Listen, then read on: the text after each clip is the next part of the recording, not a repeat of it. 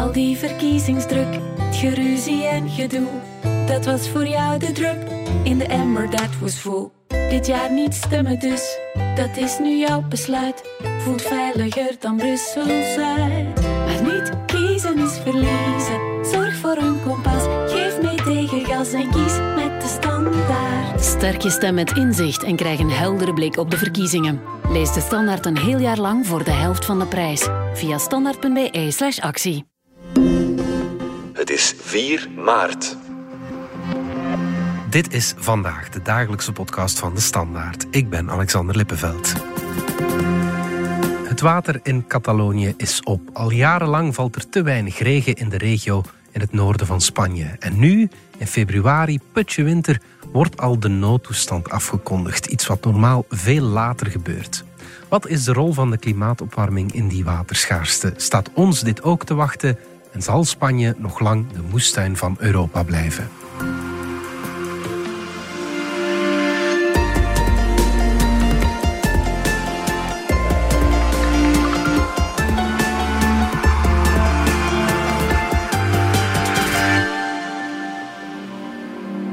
Annelien de Greef en Sophie Steenhout. Annelien, journalist bij onze krant, Sophie, podcastmaker.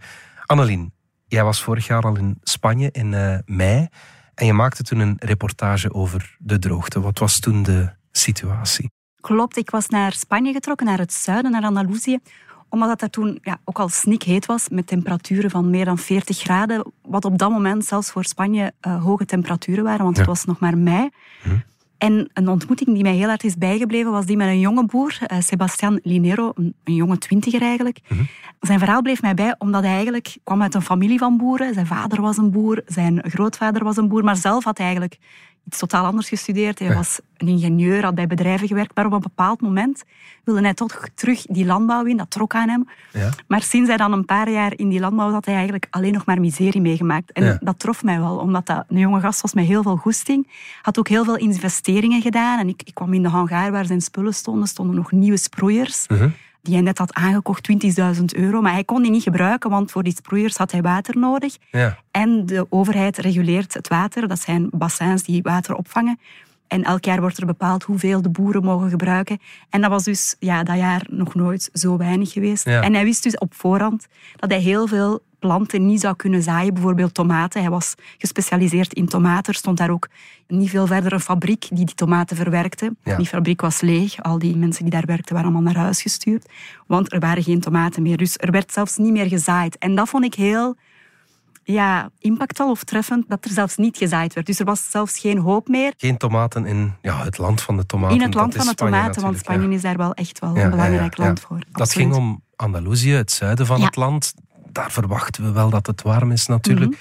Was het toen ook al zo erg in, zoals nu het geval is in Catalonië, wat meer naar het noorden ligt? Er waren zeker al alarmerende berichten. Dus er kwamen ook berichten over droogte vanuit Catalonië. Gelijkaardige berichten soms ook. Bijvoorbeeld dat niet alleen de perenoogst of de appeloogst mislukt was, maar dat ook de perenbomen en de appelbomen het niet zouden overleven. Dus ook daar ja, een hypotheek op de toekomst eigenlijk. Maar het was zeker nog niet zo erg als in het zuiden.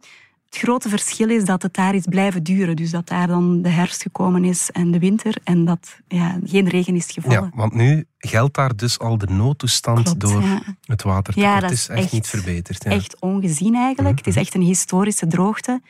Onlangs was er nog een, ja, een beetje een cynische anekdote misschien in de Spaanse kranten. Dus twee weken geleden heeft het verschrikkelijk hard geregend. Noodweer in Spanje.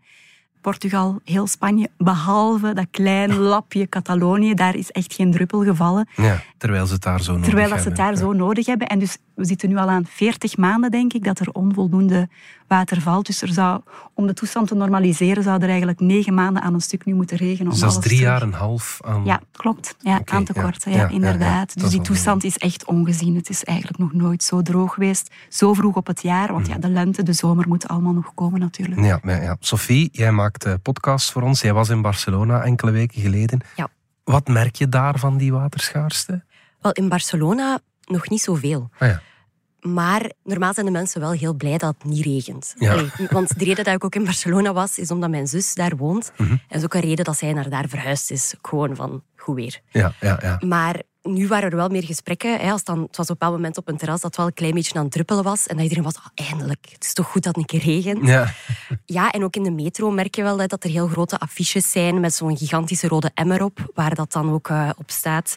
Droogte noodtoestand, water valt niet uit de lucht. Dus dat je het hmm. wel echt merkt. En ik heb dan gesproken met Ramon Serra, die hmm. woont in Lemporda aan de Costa Brava. In la Costa Brava, in de northeast coast of Catalonia. En hij voelt de impact van de droogte wel in zijn job, want hij werkt aan een project dat gezinnen helpt om zelf groenten te kweken in hun tuin. And some of them are in economic problems and uh, also people that maybe comes from immigrants from other parts of the world. Dus echt een moestuin te gaan aanleggen zodat ze niet afhankelijk zijn van ja, producten zelf te kopen, die ook wel echt duurder zijn geworden. Mm -hmm. Some of them really has a big production. En het is nu al drie jaar dat de oogsten in die tuinen eigenlijk een pak minder zijn en soms zelfs volledig falen. So it's decreasing the, the harvest and sometimes is absolutely lost. Nu is dus de noodtoestand afgekondigd in zijn regio met dus een heleboel restricties als gevolg. In the gardens, the technicals of the water institution is closing the water.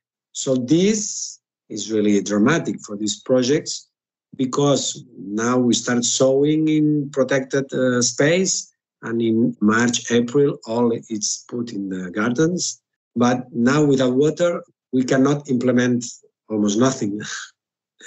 so these projects are really in risk of disappear. Dus deel van het noodplan is dat tuinen besproeien verboden is wel openbaar als privé. Ja. Dat betekent dus ja, een ramp voor het project.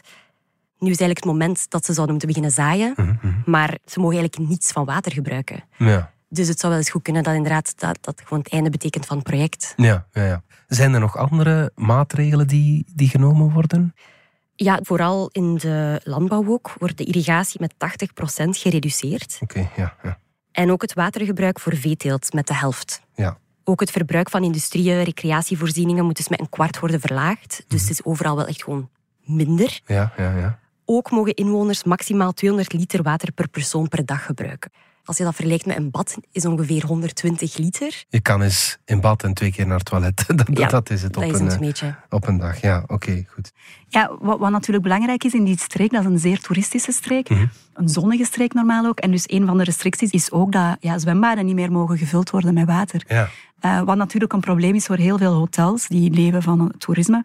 Er zijn ook heel veel mensen die daar een huis hebben. Uh, ik, ik, las nog gisteren in El País dat er alweer 1600 licenties afgeleverd zijn voor nieuwe huizen met zwembaden. Maar die ah, mensen weten dat ze bouwen, maar ze mogen dat, dat zwembad niet vullen natuurlijk, want dat mag gewoon niet. Ja. Dus het is wel echt een uitdaging ook voor een sector die daar wel heel belangrijk is, namelijk voor dat toerisme. Mhm.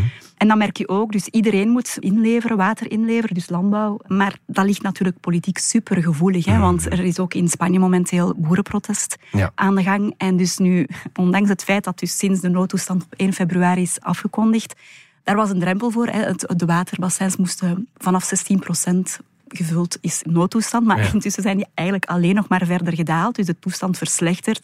En toch wordt er nu met de landbouwers samengezeten en zijn er al toegevingen politiek gebeurd. Van ja, kom, we gaan de restricties voor jullie toch wel lossen, want het is toch wel moeilijk. Dus je voelt wel hoe moeilijk het is om echt heel uh, zware maatregelen op te leggen. Dat ligt politiek echt enorm gevoelig. Ja, ja, ja. ja, dus dat zijn inderdaad logische maatregelen. Maar ze zorgen wel voor oneerlijke situaties. Mhm. in, toch zeker zoals Ramon het dus eigenlijk vertelde aan mij. En hij noemde het zelfs een war for water. Now it's like a war for water. For example, here in my small region, uh, it's called Lampurda, really touristic. Nearby the enormous campings for um, people from Holland, Germany, Belgium, France, you know. It's like a small city. And these campings can use the water of the soil in the wells, but in our projects of familiar organic gardening, really important for some families because the organics every time more expensive. We have wells with water, but the technicals and the politicians with the plants we are not allowed to use. Dus de camping in zijn buurt, zij mogen wel het water gebruiken vanuit de waterputten. Ah ja. Terwijl zij voor een kleinschalig project, voor de moestuinen, niet. Oké, ja. En dit is, dat is op dit moment, ja, dit is in februari, wat zal de zomer geven? In the summer, who will use the water? It will be really a conflict. Mhm, mhm, inderdaad, ja. En, en valt dat dan te controleren dat iedereen zich aan de regels houdt? is verschrikkelijk moeilijk. Ja. Ja. dat is echt aardsmoeilijk om te controleren. Dus er zijn nu ook al heel veel pogingen tot boetes Ja. die uitgeschreven worden. Of er worden toch al heel veel inbreuken vastgesteld. Heel moeilijk. Zeker in de landbouw, wat een enorm probleem is in heel Spanje. En nog extra in het zuiden, denk ik omdat daar dus massaal, maar echt massaal, eh, illegale waterputten eh, worden geboord. Ja. Dus mensen krijgen een, een bepaald hoeveelheid water waar ze recht op hebben uit die putten, maar gaan dan toch eigenlijk illegaal water oppompen. Wat natuurlijk ja, de toestand Nog verergert. Ik was ook vorig jaar in de aardbeienstreek in het zuiden van Spanje. Daar is dat echt een groot probleem. Maar aardbeien, ja, voor Spanje is dat ook big business. Ehm, er valt enorm veel geld mee te verdienen. Dus tegen dat er, er zijn echt wel eh, mensen die, agenten eigenlijk, die moeten controleren. Maar tegen dat die ja, daar aankomen, tegen die dat opgemerkt hebben. Ja, Het water is weg. hè? het water is weg. En, en tegen dat de boete uitgeschreven is, stelt niet zo heel veel voor. Dus betalen die boeren ook gewoon. Ja. En is er ondertussen al misschien drie andere putten ergens anders opgedoken. Dus het is enorm moeilijk aan te pakken. Ook hier weer heel politiek gevoelig. Vorig jaar bijvoorbeeld in Andalusia een verkiezingsjaar. Mhm. En de Andalusische regering was toen, een, en is nog altijd een conservatieve regering, heeft toen gewerkt aan een wet om amnestie te geven aan iedereen die illegaal oppompte. Wat natuurlijk absurd was, want er is al geen legaal water genoeg. Ja. Dus dan ga je ook nog eens beloftes maken die je eigenlijk niet kan houden. En ja, dus er is zeker niet genoeg illegaal water. Dus allee, er is gewoon een tekort. Dus dat was Ja. een enorme politieke strijd toen. Ja, ja. Is die droogte nu nieuw, Annelien? Want ik kan me inbeelden, Spanje is nu eenmaal een Zuid-Europees land. Dat moet wel gebeurd zijn. Ja, de, er is zeker altijd droogte geweest in Spanje. Hè, dus, want al die systemen van irrigatie, die dateren vaak al, die dateren niet van dan, maar die werden ook al gebruikt in tijden van de Romeinen, van de Arabieren. Gebruikten ook irrigatie, dus was toen al nodig. Wat verontrust is dat het patroon echt enorm aan het veranderen is. Dus vroeger waren ze gewend van vette jaren te hebben en dan even wat schaarsere jaren, magere jaren. En, en dat patroon is aan het veranderen, want na die schaarste komt die overvloed niet meer. En, en dat blijft uit. En dat is enorm aan het veranderen. En hoe kan je dat bijvoorbeeld merken? Dat bijvoorbeeld een eeuwenoude teelt als de olijve, hè, Ja. die normaal leeft van regenval, dat wordt niet geïrrigeerd normaal, dat ze daar nu zelf op velden moeten gaan irrigatiesystemen aanleggen, omdat er gewoon niet meer genoeg regen valt voor die olijven. En dat zegt toch wel, denk ik, veel over Ja. ja, hoe dat alles aan het veranderen is. Er is echt een verwoestijning bijna van dat zuiden aan het optreden. Ja. En is dat volledig aan de klimaatverandering te wijten? Maar er zijn twee problemen. Er is zeker het probleem van klimaatverandering, onmiskenbaar daar in die streek. Maar er is natuurlijk ook een probleem van waterbeheer. en, en, en die twee versterken elkaar natuurlijk. Hè. Ja, ja, ja. Ja, dat is ook wat Annelies Broekman vertelde, een onderzoekster met wie ik sprak in Barcelona. Ik ben een researcher in water en global change. En ik werk samen met CREAF. Dat is een eh, instituut voor ecologie. En volgens haar is de situatie nu voor het grootste deel niet te wijten aan de klimaatopwarming. Kijk, misschien ben ik aan het overdrijven, maar op dit moment, in deze droogte, is misschien 30% climate change, maar 70% hoe dat wij zijn omgegaan met het territorium. De grootste oorzaak is de waterpolitiek die gevoerd is geweest. De hele economische en sociale ontwikkeling van het Iberische peninsula is helemaal gebaseerd op het uitbuiten van water. Dat is overal zo, maar hier extra evident. Water is de motor van alle ontwikkeling. En ehm, een groot deel van de waterinfrastructuur in Spanje is gebouwd in de, eh, periode, de dictatoriale periode van Franco. Ja. En het beleid toen koos resoluut voor waterdammen. Franco vond stuwdammen prachtig. Hij gaf heel veel eh, zichtbaarheid en mensen vonden dat de definitieve oplossing tot schaarste waren de stuwdammen. Eh, Spanje is in de top drie van de landen op de hele wereld met de meeste stuwdammen per vierkante kilometer. Grappig, hè? En toen al waren er natuurlijk een heleboel mensen die zeiden... ja, maar ja, maar een stuwdam vernielt de hele rivier verandert het hele biofysisch gedrag van een rivier. Dat gaat moeilijk zijn. En er gaan mensen zijn die problemen hebben, bijvoorbeeld in de Ebro. hè, Dat is een van onze grootste rivieren, met de meeste dammen. Ja, het delta van de Ebro is aan het verdwijnen. Daar wonen wel 200.000 mensen en dat is wel een biosphere reserve. En dat is eh, een economische motor voor de mosselsector, weet ik wat allemaal. En dus ja, een heel deel territorium is aan het verdwijnen. Natuurlijk zijn dammen goed om water bij te houden, om het te kunnen inzetten als irrigatie. Om water van het ene deel van Spanje, als er daar meer regen is gevallen, naar het andere deel te brengen, waar het dan misschien droger is. Ook natuurlijk als waterkrachtcentrales.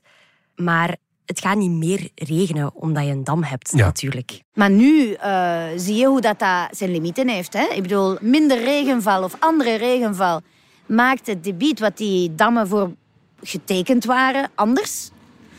Plus, eh, de meeste dammen zijn meer dan 50 jaar oud. Dus dat heeft een heleboel maintenance nodig. Dat is ook een kwestie van, van, van security. Die kunnen vallen, die kunnen kapot. Er zijn dorpen die daaronder zijn gebouwd en zo van die gezellige dingen. Dus dat, daar zal heel veel geld in moeten gestopt worden als je ze wil blijven gebruiken. Plus, ja, die dammen die houden natuurlijk al eh, grond tegen.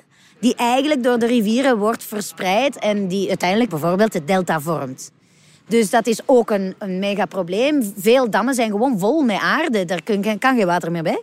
Dus ook niet alleen politiek gezien is het een moeilijke strategie. Het is ook technisch gezien een hele challenge. De klimaatopwarming, eh, zoals Annelien ook zei, maakt de droogtes wel nog intenser en het is warmer. Dus de vraag naar water stijgt wel. Dus je hebt een magische combinatie tussen meer droogte en meer vraag naar water. Die helemaal chronisch in het systeem vastzit. Dus het is een heel moeilijke situatie op alle vlakken om dit te kunnen overkomen.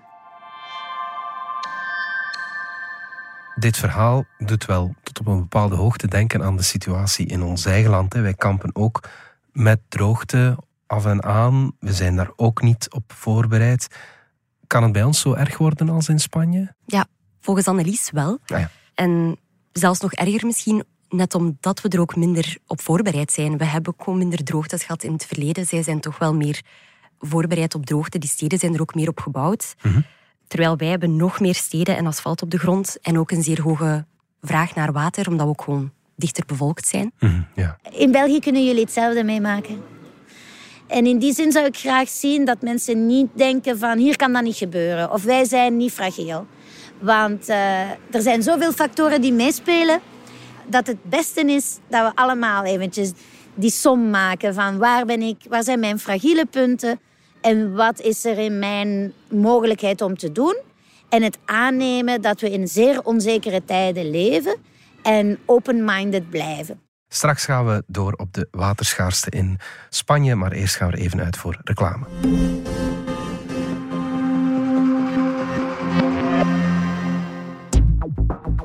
Ik vind het echt fantastisch. Het gaat een grote meerwaarde zijn voor Antwerpen, waar dat volgens mij wel heel veel steden in Vlaanderen jaloers op gaan zijn. Wij hebben al van iemand gehoord die zei, ja, vroeger kon ik niet goed slapen door het geluid van de snelweg en vandaag de dag heb ik moeite om te slapen van de kikkers. Als het om de Antwerpse mobiliteit gaat, zit ik met meer vragen dan antwoorden. Maar daar komt verandering in. Want ik, Kat Luiten, verdiep me in het Antwerpen van morgen. Luister naar De Grote Ontknoping, een podcast van Landis, nu in je favoriete podcast-app.